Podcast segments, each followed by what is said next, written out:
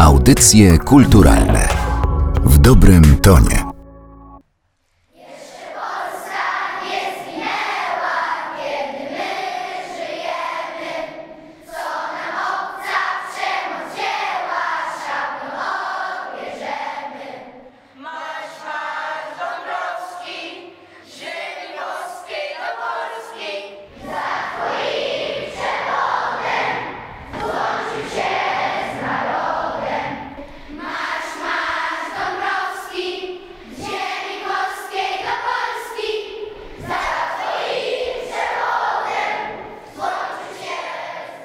Przy mikrofonie Aleksandra Galant rozpoczynamy kolejne spotkanie w audycjach kulturalnych.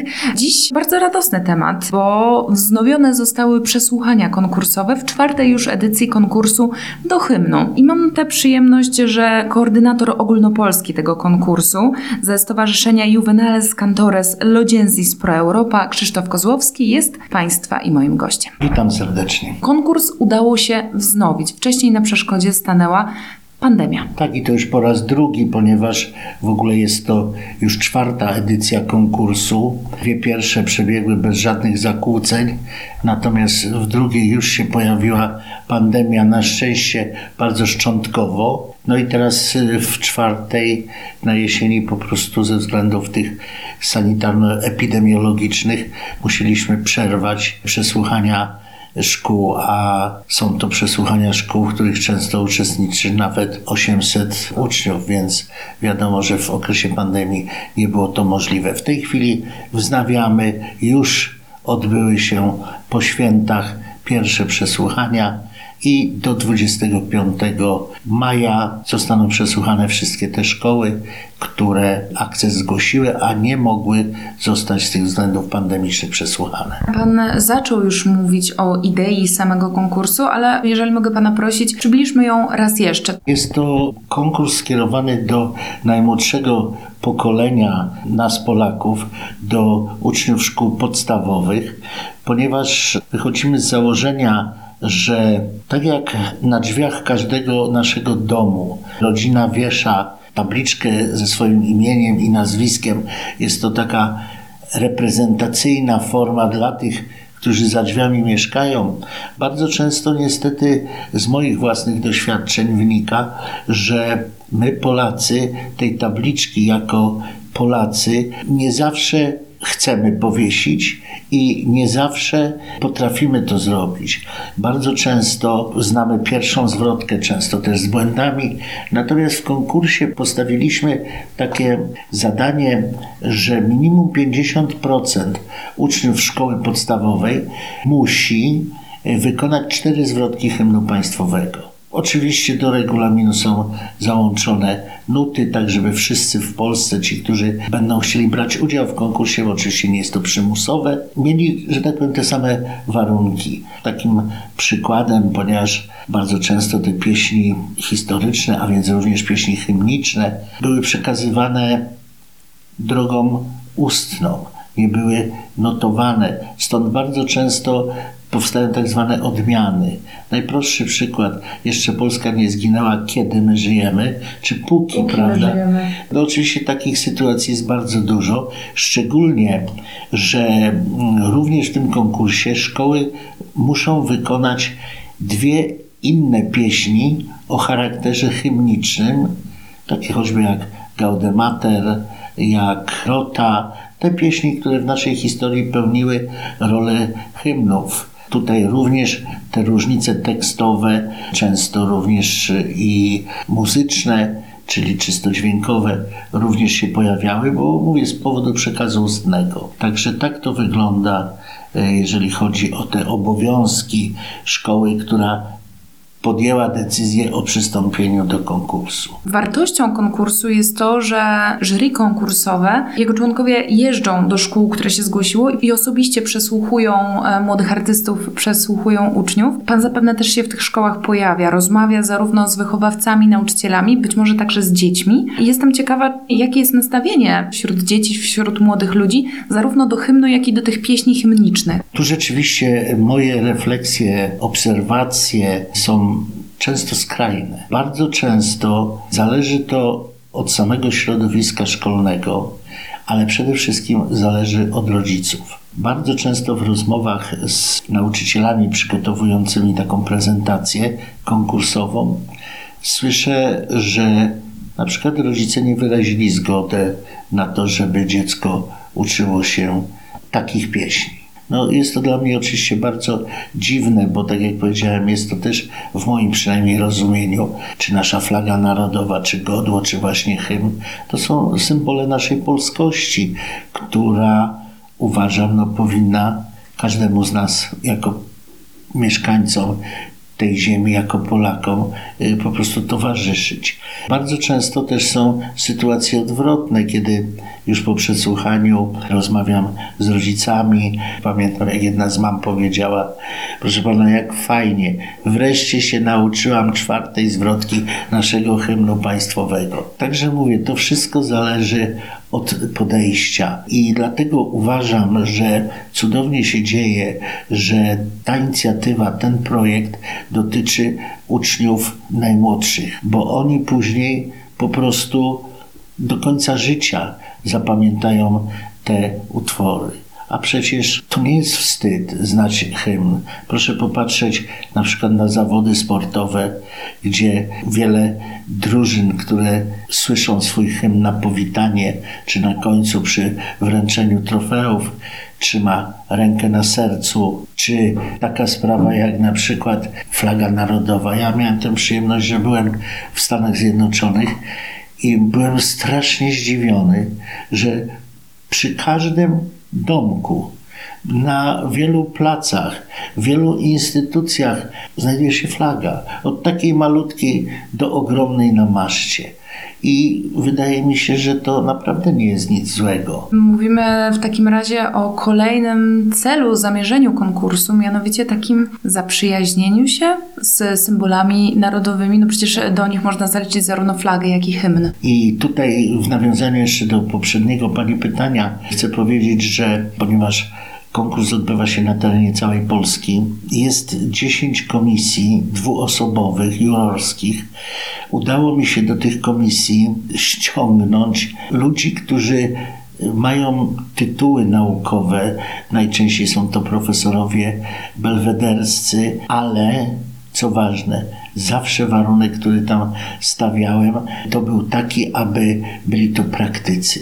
Czyli nie muzyk teoretyk, tylko muzyk praktyk.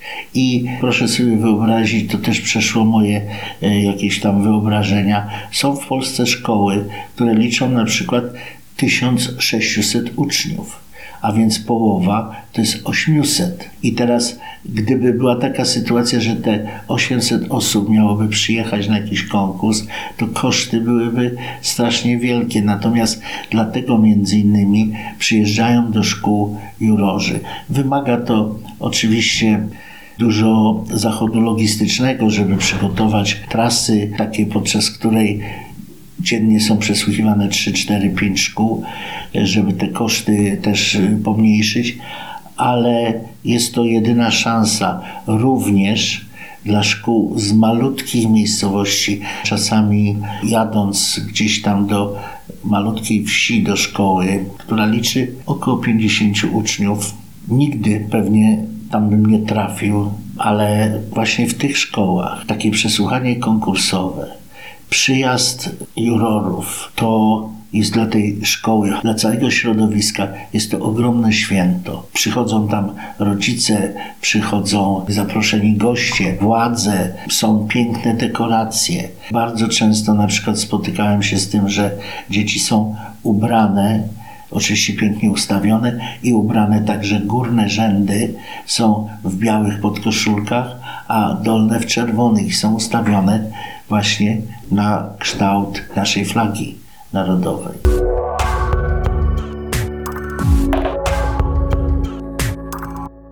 Poprzedniej edycji konkursu zwyciężyli uczniowie ze szkoły podstawowej w Pleszewie. Wśród laureatów były też dzieci z Leżajska, z Grabiny. To nie są duże miejscowości. Czy pan jest w stanie jakoś odnieść się do tego, które szkoły, być może które miejscowości w takich konkursach, w tym konkursie konkretnym najchętniej biorą udział? Zawsze mamy e, pewien limit przyjęcia do konkursu szkół.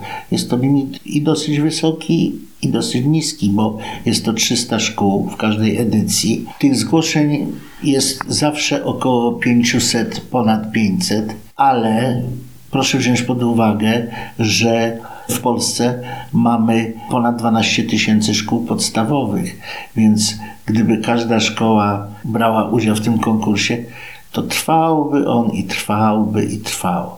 Natomiast rzeczywiście tutaj pani dotknęła bardzo ciekawego y, zjawiska, mianowicie w większości zainteresowane tym są małe miejscowości, małe szkoły. One są tam dopieszczane przez władze miejscowe, przez rodziców. Proszę pamiętać, że w takich malutkich wsiach, w małych jakichś koloniach, szkoła jest nie tylko miejscem nauki, ale jest także miejscem kultury, miejscem rozwoju, sportu, a więc także i muzyki. Co bardzo tutaj podkreślam, ja jestem z wykształcenia muzykiem, chórmistrzem i jest mi strasznie przykro, że w programach nauczania szkół ogólnokształcących w tej chwili muzyka prawie że nie istnieje, a jest to coś bardzo ważnego, coś, co powoduje, że nasze serce jest y, nie tylko organem pompującym krew, ale również, jak to się mówi, miej serce, patrz w serce. Pomaga ludziom żyć, wrażliwości pomaga. Także to jest bardzo ważne. Te pieśni hymniczne, hymn nie jest wykonywany solo przez dzieci, powiedzmy, wybitnie uzdolnione, które są zainteresowane muzyką, tylko Państwo wymagają tego, żeby to śpiewała grupa, duża grupa. Takie śpiewanie churalne także zbliża? Ależ oczywiście pamiętam czasy, kiedy w polskiej szkole podstawowej, średniej, każdej chór był na porządku dziennym. Były przeglądy chórów szkolnych. W Łodzi na przykład przegląd chórów szkolnych trwał cztery dni. Odbywał się w filharmonii, a więc dziecko miało możliwość poznania tego miejsca, które jest pewną królową muzyki. Dzisiaj to zupełnie wygląda inaczej.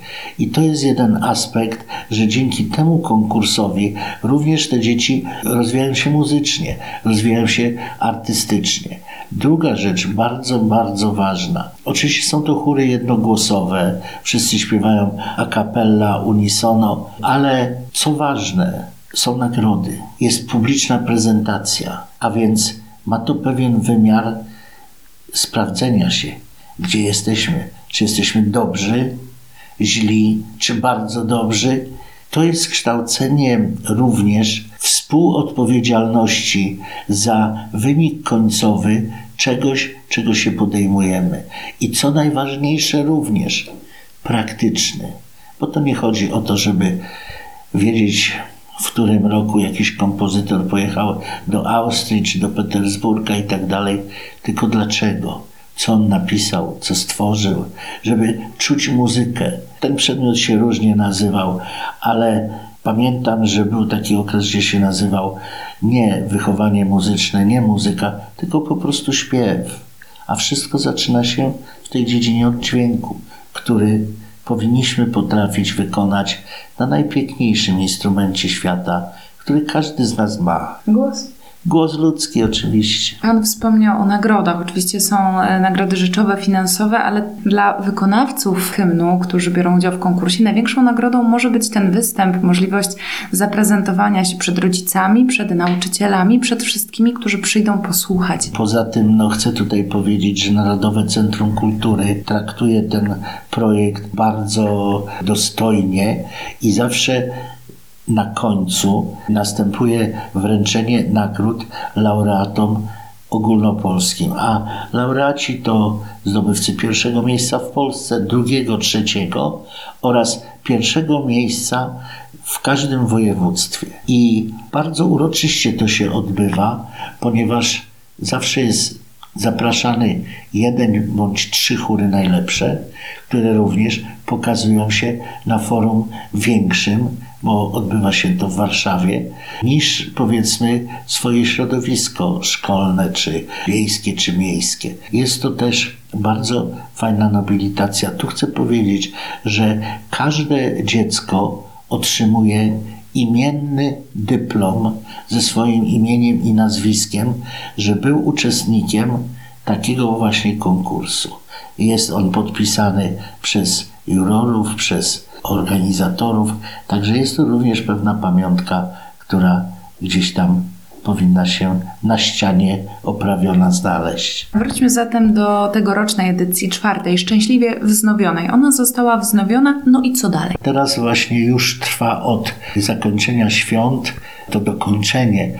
Tutaj no troszeczkę ubolewamy, bo nie zawsze, nie wszystkie te szkoły, które wcześniej brały udział, a nie zostały przesłuchane ze względów pandemicznych, mogły teraz wziąć udział. Często są to bardzo obiektywne rzeczy związane na przykład ze zdrowiem nauczyciela, który to prowadził, ale niemniej jest to prawie 60 szkół, które teraz będziemy dosłuchiwać. No i będzie ceremonia zakończenia. No i wiem już, że zapadła decyzja, że będzie w kolejnym roku piąta edycja tego konkursu. Jest to dużo pracy tej organizacyjnej, ale muszę powiedzieć, że wszyscy czujemy ogromną satysfakcję, kiedy stoi nawet te 40 osób ze szkoły liczącej 70 uczniów z przejęciem śpiewają.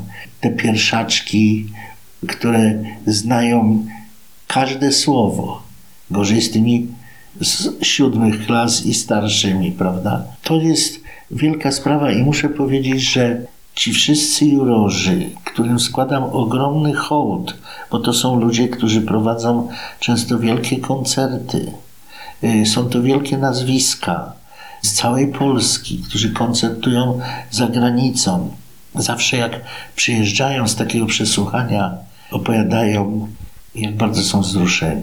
Chciałabym zapytać, co powiedziałby Pan tym wszystkim dzieciom, które jeszcze na przesłuchanie czekają, które niedawno się dowiedziały, że rzeczywiście przesłuchanie się odbędzie, będą mogły wystąpić i zapewne się bardzo denerwują. Przede wszystkim śpiewajcie, śpiewajcie, śpiewajcie. Nie denerwujcie się. Pamiętajcie, że śpiew to ma być przyjemność. Muzykowanie to ma być przyjemność. Często się mówi, że coś tam nam w duszy gra, coś tam nam w duszy śpiewa. Niech śpiewa. To nie może być y, na siłę. Oczywiście jest tak zwana trema, ale ta trema ma być mobilizująca, a nie trema, gdzie będziemy przeżywać ciężkie chwile z nią związane. Życzę wszystkim wielu, wielu sukcesów. O czwartej edycji, a także o idei konkursu do hymnu mówił koordynator ogólnopolski ze Stowarzyszenia Juvenales Cantores Lodziensis Pro Europa Krzysztof Kozłowski. Bardzo dziękuję za rozmowę. Dziękuję bardzo.